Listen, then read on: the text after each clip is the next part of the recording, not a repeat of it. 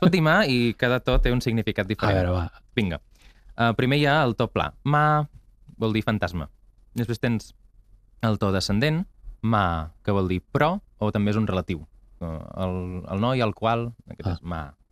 Després tenim ma, que és la galta, o també en el sud vol dir mare. Al nord és me, és diferent. Uh, després tenim ma, que és tomba, quan mors i t'enterren, és la tomba. Després tenim ma, que és un, el to divertit del vietnamita perquè té un, aquesta glotalització al mig, que bé, a mi m'agrada molt, personalment, que vol dir cavall, i aquest, aquesta paraula sí que és un manlleu del xinès, Ah. perquè el vietnamita té un 30% de les paraules són manllevades del xinès. Carai, déu nhi Hi ha gent que diu que és fins a un 50.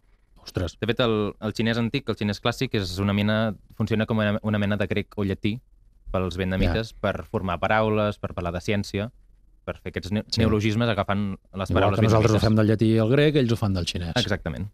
I després, finalment, tenim ma, que és també un to glotalitzat, tot i que no es, no es percep tant, que és un esqueix de planta d'arròs. Perquè en allà, evidentment, Ah. tenen un vocabulari de, De sobre l'arròs, eh, que ni, ni els abrencs l'abasten, eh? eh? Quantes paraules... ah, Aquí deu ser una altra complexitat. Quantes paraules hi ha per, per referir-te a l'arròs? Clar, eh, pots dir arròs cuit és una paraula, arròs cru és una altra paraula, planta de l'arròs és una altra paraula. Arròs enganxós, una altra paraula. Exacte, sí, perquè hi ha dues varietats exactament i l'arròs enganxós és una altra paraula. Sí, sí.